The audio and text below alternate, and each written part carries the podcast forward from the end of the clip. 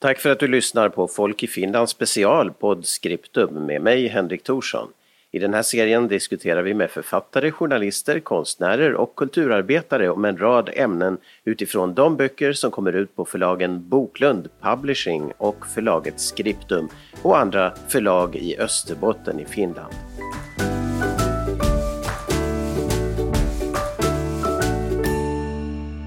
Välkommen till den här podcasten Podscriptum.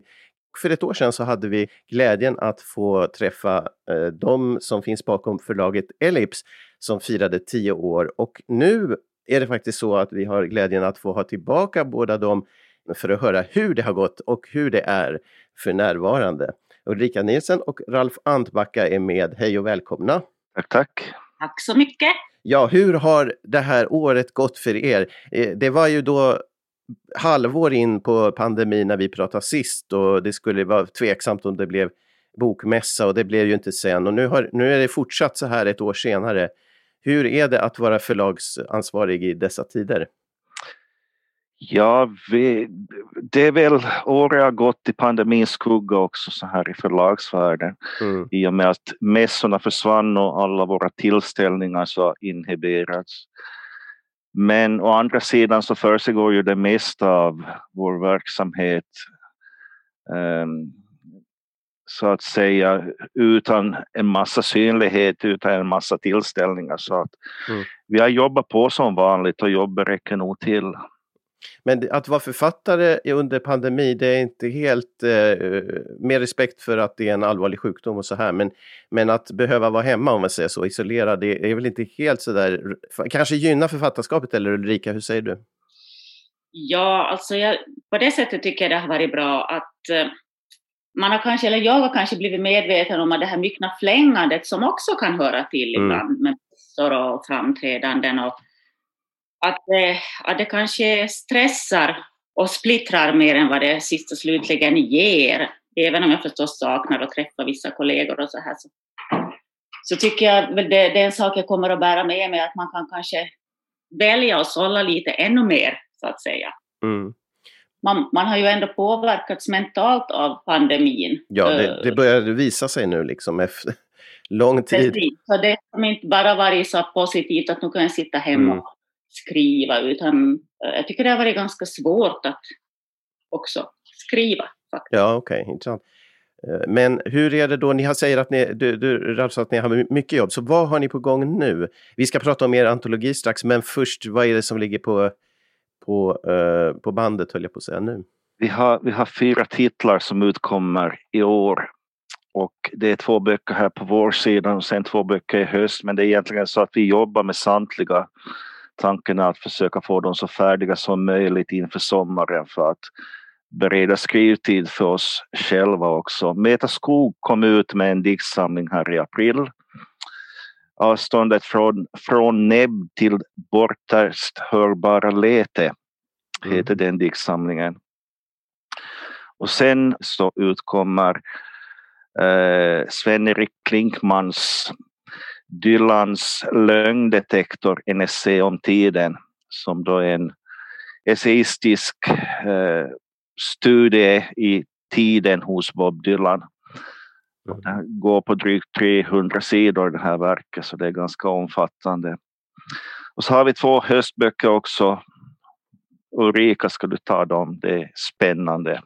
Ja, eh, dels har vi en bok av Matilda Södergran som ju redan är en etablerad författare. Men det här är första boken som hon ger ut hos oss.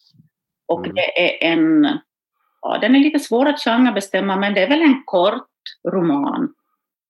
Eh, Poeti, poetisk roman kanske? Väldigt poetisk. Mm. Den heter Nell. En väldigt spännande bok, tycker vi. Tror jag många andra också kommer att tycka. Och så har vi My Lindelöf som ger ut en diktsamling hon har ju också kommit ut tidigare på Ellips. Är det två titlar? Två titlar mm. tidigare, ja. Mm. Eh, och um, den boken heter, den har haft två olika titlar. Är det Landfragment? Det är den som är den Precis. aktuella, ja. Också en väldigt spännande diktsamling. Det är roligt att ge ut. Det har varit ganska mycket fokus nu på att vi har gett ut flera essäböcker och det har varit antologin. Mm. Nu börjar det liksom lossa för poesin igen i höst. Det känns väldigt roligt. Och redan för, förstås nu i och med Metas bok med. Mm. Ja, vad spännande att se fram emot. Och, eh, gör ni så att ni jobbar båda två, eh, eller möjligtvis alla tre med alla texter, eller hur var det nu? Delar ni upp ansvaret eller bollar ni hit och dit, eller hur går det till? kan väl vara på det sättet att någon har lite huvudansvar för en viss titel men alla jobbar med de här böckerna så att, Mm att, att det är en del av processen så att säga att föra den här redaktionella diskussionen och ha olika synpunkter på manusen och det ger också de här bästa resultaten sen att det är flera ögon och flera åsikter som, som kommer till uttryck i, i, i processen. Mm. Just det. Och eh, ja, du sa att ni ska ha tid för eget skrivande genom att jobba hårt nu då och få förlagsarbetet undan. Men vad är det som är på gång när det gäller ert eget skrivande? Vad har du Ulrika? Ja, dels så skriver jag på en ny bok. Det går Mm. ganska trögt, men häromdagen så printade jag ut och märkte att jag har väldigt mycket material. Okej. Min förvåning. Eh, Det är alltid så här, alltså jag fattar inte hur det här har kommit till för jag tycker att jag inte riktigt gör någonting. Men det fanns väldigt mycket material där. Men väldigt mycket som måste sållas och göras. Men sen så jobbar jag också med en, en eh, filmfotograf just nu. Vi har börjat Mm. lite tillsammans. Och, och jobb, du jobbar med ord och han med bild eller jobbar du med bild eller hur gör du? Eh, Det här är så i begynnelsen. Så att vi precis på och söker oss fram med vad vi, vad vi håller på med. Processen är väldigt intressant i sig. Ja, just det. Så jag, jag kan inte svara så mycket mer. Det kan hända att det inte blir någonting. Mm. Men det kan hända att det blir någonting någon gång. Okej. Men det är väldigt spännande i alla fall. Eh, Om att samarbeta Mm. med andra ibland har jag märkt lite till min förskräckelse. Jag höll ju på med teater i ungdomen. Mm. I Åbo, var det där? Ja, dels så spelar jag på Ljudbacka teater eh, i Nykarleby Ja. från att jag var ungefär 13 år tills jag flyttade hemifrån. Mm. Och sen så var jag aktiv i Åbo studentteater. Jag ville bli skådespelare när jag var yngre. Men, men jag tror att det kanske kommer därifrån, den här lusten att ändå göra någonting konstnärligt tillsammans med andra som bubblar upp ibland. Det var delvis, Mm. Undergången var delvis ett sådant projekt och, och Ömhetsmarker som jag skrev med Lina Hagelbäck. Just det. Ja. Så nu är det igen ett sånt här litet försök att utforska, men den här gången alltså med essäfilm. ja, vad spännande. Och, och Ralf, vad ska du ha tid för när förlagsarbetet är avklarat lite grann?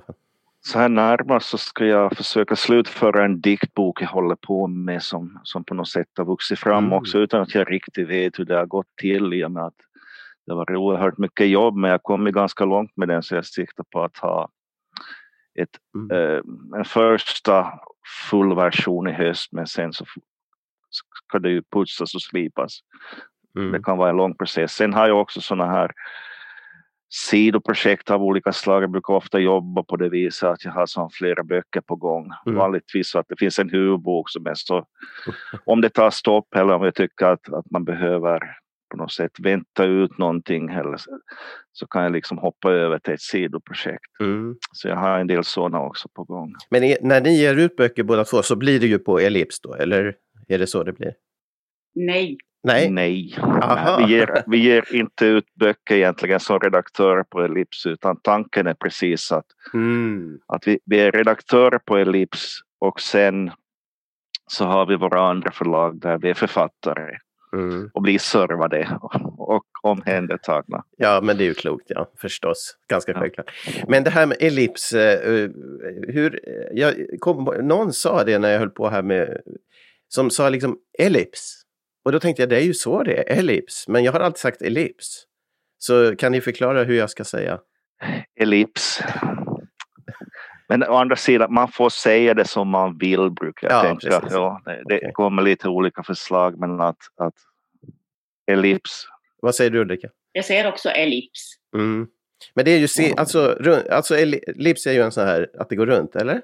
Det, Runt en planet, eller nej? Det, vi tänk, vi tänk, elliptisk bana tänker du på. Eh, Ja, just det. Ellips är me- mer att någonting så att säga är borta, de här tre punkterna i texten.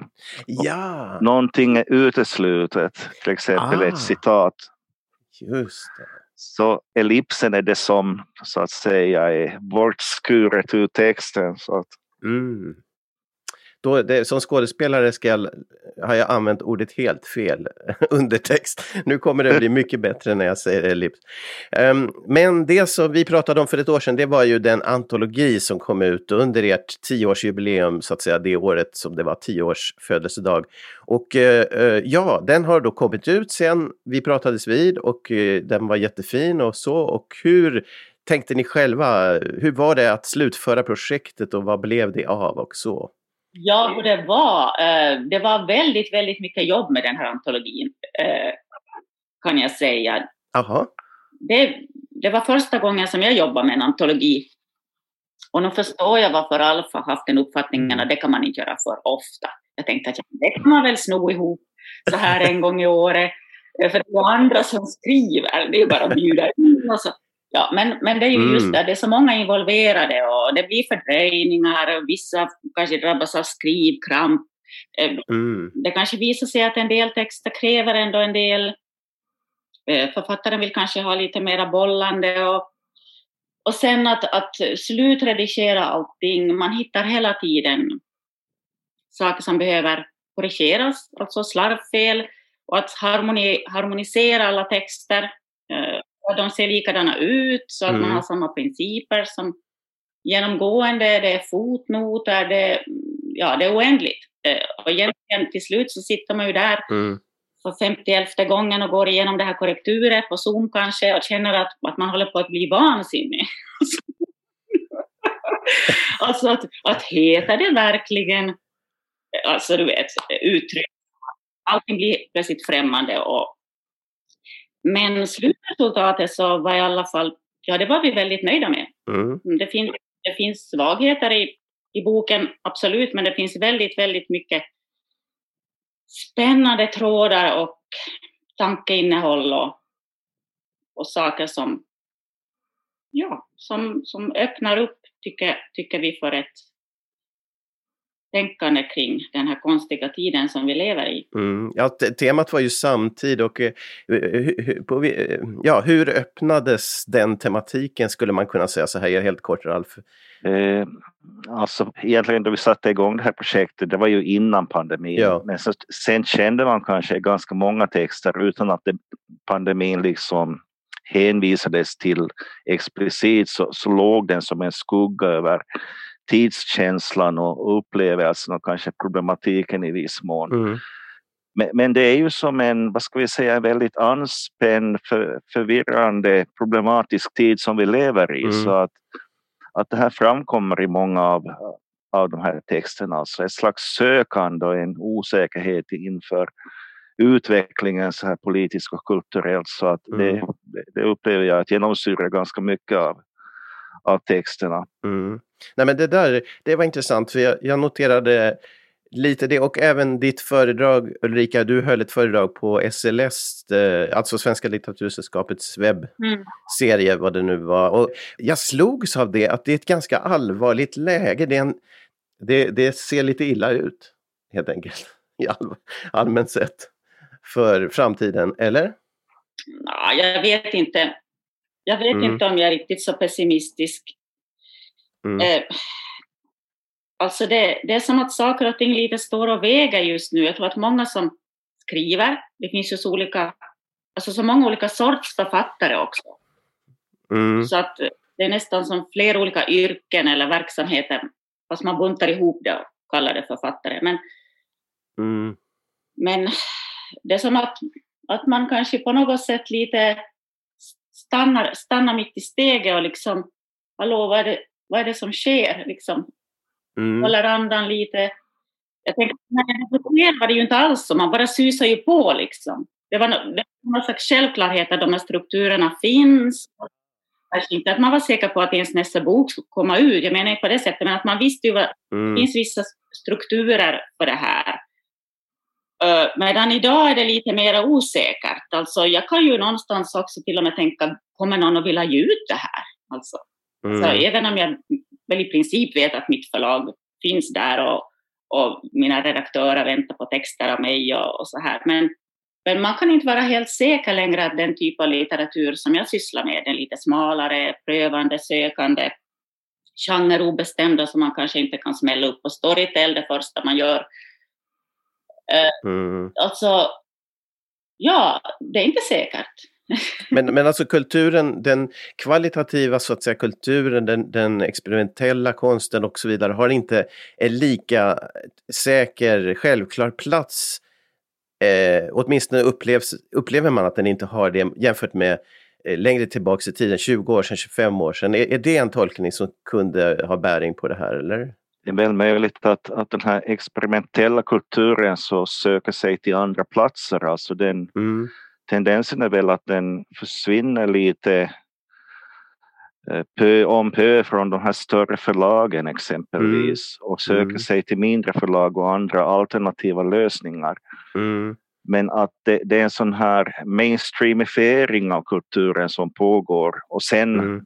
Måste man ju tillägga också att kulturen är under väldig press, alltså hela fältet i och med den här pandemin, att det är vissa sektorer mm. och genrer som drabbas väldigt hårt av av att det inte är möjligt att ha föreställningar. Jag tänker på teatern och så vidare. Mm. Och vi drabbas ju inte på det sättet, alltså författarna så vi är ju i någon mening ganska privilegierade i, i, i den här situationen jämfört med många andra. Men, men eh, antologin tog ju sin start innan pandemin. Men vi pratade också om det och du sa nyss att det, pandemin påverkar och det, frågan var hur mycket. Men kan man säga att den här uppfattningen av eh, en, en, eh, alltså viss oro eller osäkerhet som, som kan leda till ett, ett sämre läge har, har det med pandemin att göra mera än det har med kulturens plats i samhället annars? Själv tror jag väl inte att, att pandemin i det längre loppet kommer att ha visat sig ha haft en liksom jätteförödande effekt på, på den mera ja, kvalitetslitteratur. Jag tror att det, att det mm. kanske mera någonting tillfälligt eh, eller som kanske har bidragit till att förtydliga vissa, vissa saker. Jag tror nog mer att mm. det, andra saker i både den tekniska utvecklingen och, och ja, den politiska utvecklingen också, samhällsutvecklingen. Men är det för, är det för att allt, allt fler kan vara med och skapa och då är det många fler som vill skapa det där mainstream? Eller vad, vad ger den tekniska utvecklingen för en förändring då? Jag tänker på den här visionen av internet som vi hade på 90-talet eller liksom början av 2000-talet att det är någonting positivt och det bidrar till en demokratisering och liksom att gräsrötterna mm. får mer att säga till om. Men nu har vi ju sett väldigt många av de här mm. negativa effekterna av den digitala världen och internet också liksom konspirationsteorier, eh, digital mobbning och så vidare. Och liksom, jag har mm. fortsatt den här processen som postmodernisterna talade om, alltså det här underminering av det här gemensamma referensramar, allting det här. Vi håller på att gå in i någonting, en slags krissituation. Det gäller de här sakerna att vi saknar liksom gemensamma referensramar. Man ser ju det speciellt i USA med det politiska läget men att det som händer i USA så har jag en återspegling också på andra håll. Vad, vad tror ni, vad är vägen dit? Vad är förutsättningarna för att man ska få en, en, en nyfödelse för den kvalitativa och eh, eh överraskande kulturen i framtiden? Jag tror väl att det behövs en slags uthållighet och tilltro till den här typen av konstnärligt skapande som mm. Syftar till att ha, liksom innehåller det som kallas för experimentellt som, mm. men som också vars drivkraft är liksom en slags, ett behov av ett konstnärligt uttryck, inte att bli känd mm. eller liksom sälja massor utan mm. en, att just att den här drivkraften finns kvar. Och för att det ska finnas så tror jag att man måste ha den här uthålligheten som vi, vi försöker ha som förlag. Mm. Det är helt enkelt, man gör den här grejen om man tror på den mm. benhårt. Nej, men det behövs och, aktörer som har tålamod, ger tid och ger förtroende till skaparna. Alltså, eh, Ulrika, skulle det för dig vara, är det en... Jag vet inte, för min egen del så har jag att jag har så starka drivkrafter så att jag kommer nog liksom aldrig att tror jag sluta att skriva eller så här. Mm. Uh, men det är klart, det måste, det måste ju sen finnas, finnas andra aktörer också som, som vill ha det här på något sätt. Mm. Man, ja, jag vet inte alltså, jag blir liksom helt stum inför de här frågorna tycker det är jättesvåra frågor det här. Jo, det är det ju. Men jag tycker att intrycken från eh, till exempel texterna i er antologi ger mig ändå den att, att det här med Ellips liknande eh, satsningar, liknande sammanhang blir otroligt viktiga i det här. Att de är mycket, mycket mer viktiga. Alltså på 70-talet fanns det kanske mycket sånt, men nu gör det inte heller det. Så det blir ännu viktigare att de här alternativa eh, noderna eller kraftcentrumen finns. Eh, så, så lite tolkar jag det. det att eller vad, det är väl bara bra för er att jag säger så. Men vad, vad... Nej, men jag, jag, tror det också. Alltså, jag tror att det finns en beställning på den här typen av kultur. Att, mm. att det kanske har vidgats det här utrymmet lite under pandemin därför att folk har börjat söka efter någonting som, ah. som, som kanske är mer ren underhållning som liksom bjuder någon typ av tankenäring, tankeutmaning och liksom vi uppvisar en slags intellektuell ambition. Mm. Mm. Så eh, jag, jag, tycker att det, på, det sättet så känns det ganska positivt. Mm. Alltså man funderar på det här liksom i ett längre perspektiv. Kommer vi att få det här stödet som vi är beroende av? Alltså det är förändringar också i kanske statens syn på kulturunderstöd och sådana här saker. Det är någonting som mm. eh, förändras hela tiden. Hur ser det ut i det långa loppet? Men att för stunden så finns det ju mecenater och vi, vi, vi kan liksom driva en sån här verksamhet som inte bär sig rent ekonomiskt mm. liksom på försäljning. Mm. Men att vi får nu hoppas att, att det också ska finnas någon typ av långsiktighet i det här och det tror jag nog. Därför att den här typen av kultur behövs Mm. Och jag tror att ganska många inser det också. Mm. Ja. Nej, jag tror också, alltså allting förändras ju hela tiden och vi har ju varit inne nu i den här just som Ralf eh, kallar det mainstreamifieringen av litteraturen. Mm. Men också det här kommer ju att passera. Eh, någonting annat kommer att hända igen och det är svårt att säga exakt vad, men någonstans, alltså konst, konsten kommer liksom aldrig att försvinna, för det kommer alltid att finnas, finnas människor som behöver liksom ett resonansrum för sin oro och för, för sin smärta, för, mm. för det som är svårt sagt, eh, sagt. I, i, i tillvaron. Eh, vi kommer aldrig att bli så, vad, vad ska jag säga, eh, omänskliga, robotlika eller mm. att, att, att vi skulle bli av med de här bristerna. Mm. Så att... Det är våra tillkortakommanden som till slut gör, oss, gör att vi segrar över AI och robotarna. Um, ja, men det, det tror jag kan ligga någonting i. Men, det är väl så att människans defekter och brister hennes styrka mm, i det långa loppet. Mm. Ja, men det, här, det, det finns ett hopp i allvaret och det är jättespännande och få följa och e samtala mer om det här. Eh, avslutningsvis ska jag packa ihop den här lilla eh, poddsändningen eller podd, eh, det här poddavsnittet med en sån fråga som är lite mer praktisk kanske. Och det är ju från en del eh, nybörjare och eh, förstagångsförfattare som vi har kontakt med mycket i Skripten förlag då. Eh, alltså hur blir man skribent? Och om, om man nu har den här drömmen, och jag, kanske vi pratade lite om det förra året, men man har den här drömmen, men hur, vad är era erfarna råd? Att var börjar man? I vilken riktning? Hur ska man tänka egentligen? Du får börja. Man måste, man måste ha en input, alltså att om man siktar på att bli författare så måste man liksom lära sig av modeller och det lär man sig genom att läsa på ett ganska medvetet sätt. Alltså vad är det för typ av text som jag tycker om? Vad är det för typ av text som jag själv vill producera? Mm. Vill jag bli deckarförfattare? Vill jag bli eh, experimentell poet? Alltså vilken typ av text handlar det om? För att mm. Eh, det bestämmer lite hur man går vidare också. Om man är inne på det här deckarspåret så kan det löna sig att gå på en viss typ av skrivarkurs exempelvis mm. för att lära sig hantverket.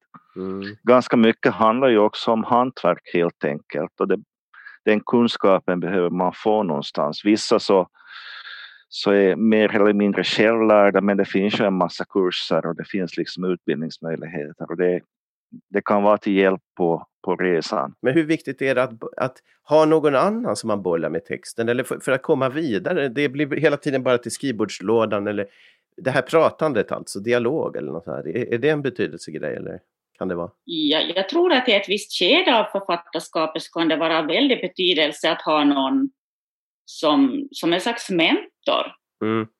Eh, jag har själv haft sådana personer i mitt liv när jag var yngre. Jag tänkte aldrig på att det här är en mentor. Det bara råkade vara så att det var liksom äldre och erfarnare författare, litteraturmänniskor som, som jag befann mig i samtal med. Och det här har jag kunnat se efterhand att det har haft ganska stor betydelse egentligen.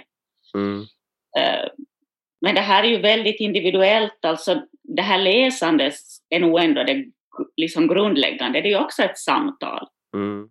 Att vara, i litteraturen och, och mm. kanske, eh, kanske göra anteckningar, alltså läsa väldigt, eh, liksom, ska vi säga, läsa på ett väldigt engagerat och djupt sätt, försöka reflektera kring det man läser. Jag hörde en, en författare som jag kände för länge sedan, hon berättade att när hon inte kan skriva och inte kommer igång så skriver hon av hon skriver av dikter som hon tycker hemskt mycket om eller ah. som väcker någonting i henne. Mm. Hon skriver av dem för, för, hand, ord för ord, väldigt mm. långsamt. Uh, och då liksom händer det, no då händer det någonting för henne. Hon kanske själv plötsligt börjar skriva. Mm. Uh, som i en, en, slags beröring med den här. Ja, det, det, är individuellt men läsande kommer man inte förbi. Mm. Man kan inte bli en, en, vad ska vi säga, intressant författare utan att läsa. Man kan, man kan kanske skriva en bok eller två, eller till och med fem, men i, i något skede så man kan inte skriva i ett vakuum. Man klarar sig liksom inte själv. Men är det, är det, är det liksom för ens egen, eget hantverk eller är det också för att texten blir mer världs, kopplar till världslitteraturen? Eller? Ja, alltså det, det som är viktiga med att läsa det är att den som inte läser så inbillar sig att, att man skriver någonting som är rent och absolut ens eget. Mm, Men okay. om man inte känner till litteraturen så kommer man ändå att bära på en massa influenser som är omedvetna. Mm. Man kommer att återproducera klichéer och schabloner. Mm. Och det handlar om att lära sig att känna igen de här schablonerna och undvika dem och, och hitta liksom det här fräscha uttrycket, det som funkar i den litterära värld som vi lever i. För att det kan vi se också med manus som kommer in till Ellips att det är ganska många som på något sätt lever kvar i en, i en föreställning om texten och litteraturen som är ganska mm. passé och som är väldigt osjälvständig sist och slutligen. Mm. Så att genom läsningen så kommer man fram till det som är eget. Det är inte så att influenserna eh, tar över den egna texten utan det är mer att man hittar vad man har att bidra med till mm. textvärlden genom att läsa mycket också. Exakt. Jag brukar tänka också att, att skriva så liknar också egentligen forskning ganska mycket på det här sättet. Mm. man tänker sig en, en forskare som, som inte skulle liksom ta del av var man befinner sig på det fältet just nu. Liksom, det skulle ju, det skulle ju slå in, slås in en massa öppna dörrar. Det skulle alltså, ja, man, måste ju, man måste ju ha kunskap om det fält där man själv är verksam för att kunna föra någonting vidare och ge, liksom bidra med någonting eget till det. Jag brukar också tänka att man måste utveckla en sorts schizofreni då man är författare. Alltså dels är det författaren som, som producerar text och som, som, som är uppmärksam och hit, ha olika stimuli som man använder sig av och texten föds så måste det också finnas den här som är väldigt kritisk och som ser med, med, med analytisk blick på den här texten som har producerats. Det är inte alltid så att de jobbar samtidigt.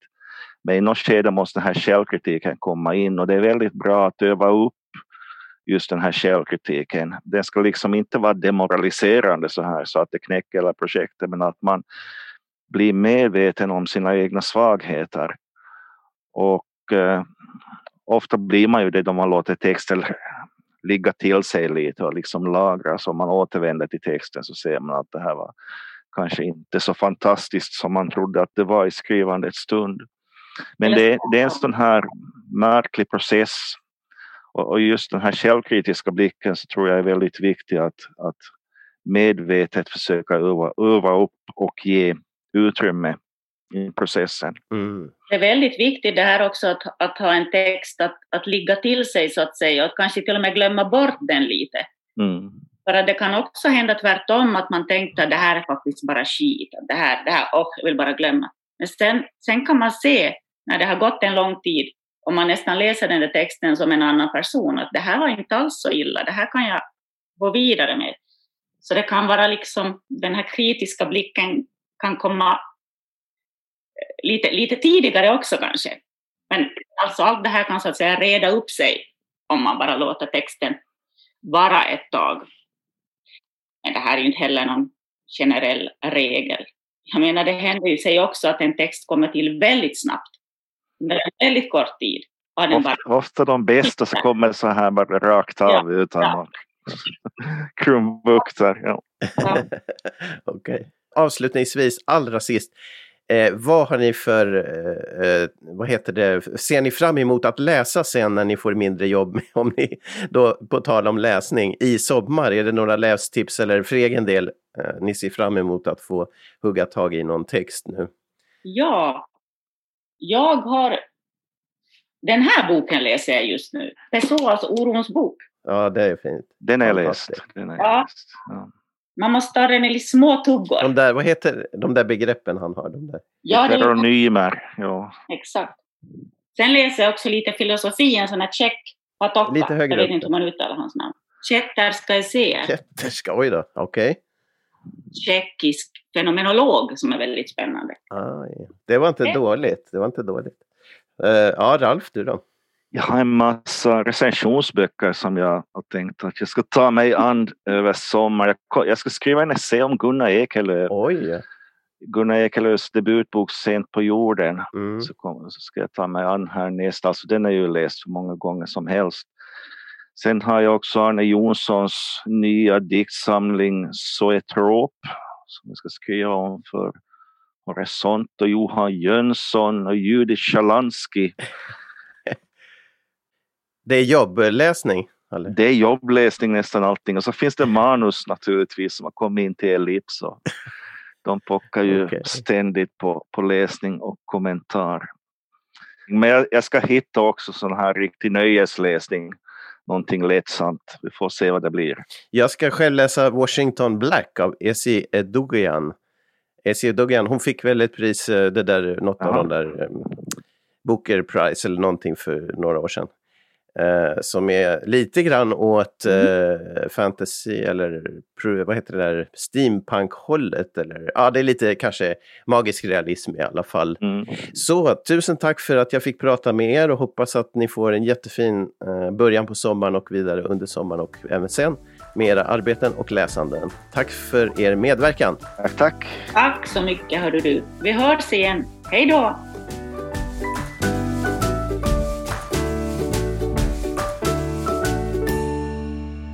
Har lyssnat på Podscriptum, podcasten om böcker, författare och intressanta ämnen från förlaget Scriptum och förlaget Boklund Publishing i Österbotten i Finland. Du hittar fler program och andra podcastserier som du kan ladda ner på hemsidan totalmedia.com, total med th, totalmedia.com. Och du kan läsa om nya böcker på sidan skriptum.fi.